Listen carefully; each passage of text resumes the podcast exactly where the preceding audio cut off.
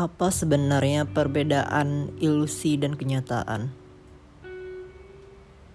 Apa yang kita lihat, apa yang kita dengar, dan apa yang kita rasakan, itu semua hanyalah ilusi di dalam otak kita. Jika kita hidup tanpa otak,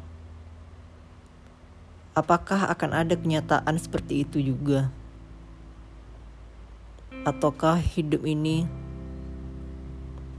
cumalah kegelapan yang tidak dapat dirasakan.